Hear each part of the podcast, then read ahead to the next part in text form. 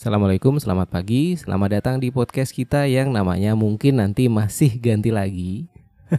Jadi nyari jati diri dan mau disambungin sama channel YouTube, tapi masih bingung nih namanya apa, temanya apa aja yang bisa nyambung karena channel YouTube-nya lebih ke teknologi, terus ada juga kewirausahaan sih. Tapi kalau di podcast kewirausahaan sama motivasi. Gimana cara nyambunginnya ya nantilah ya sambil jalan.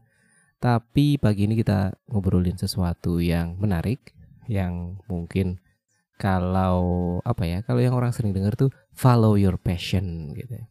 Ikuti passionmu, ikuti panggilan hatimu. Tapi begini teman-teman semua, nggak semua sesimpel itu ya. Jadi follow your passion, oke okay lah, silahkan. Tapi nggak langsung serta merta follow your passion terus lupain yang lain gitu. Enggak, enggak seperti itu.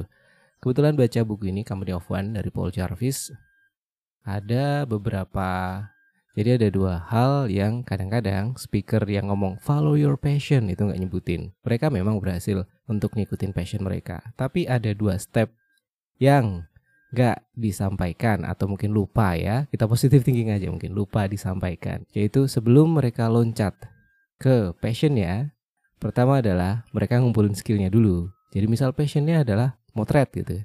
Kalau mereka mau nyemplung ke fotografi, maka mereka ngumpulin skillnya dulu. Mereka nyari tahu caranya, terus mereka nyari tahu skillnya udah sampai ke level yang passion itu bisa dijual atau enggak. Itu. Misal passionnya adalah musik, ya mereka ngumpulin dulu skillnya untuk bermusik.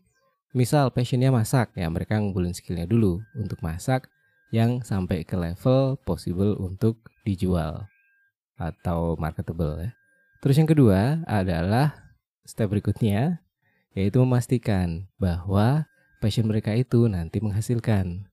Jadi misal tadi ya, passionnya fotografi udah belajar skillnya, mereka juga mesti untuk ngetes apakah passionnya itu yang nantinya mereka akan jalanin as profesi itu bisa menghasilkan dan cukup. Misal nih, mereka fotografi belajar, terus ternyata begitu dites di daerahnya nggak laku ya berat juga atau mungkin di daerahnya harganya udah hancur-hancuran ya susah atau misal passionnya masak skillnya misal masak oke okay. suka masak cake skillnya cake tapi ternyata daerah situ orang nggak suka cake orang sukanya mungkin makanan berat gitu. Misal mie nasi goreng gitu. Nasi goreng lagi ya bolak-balik ngobrolin itu.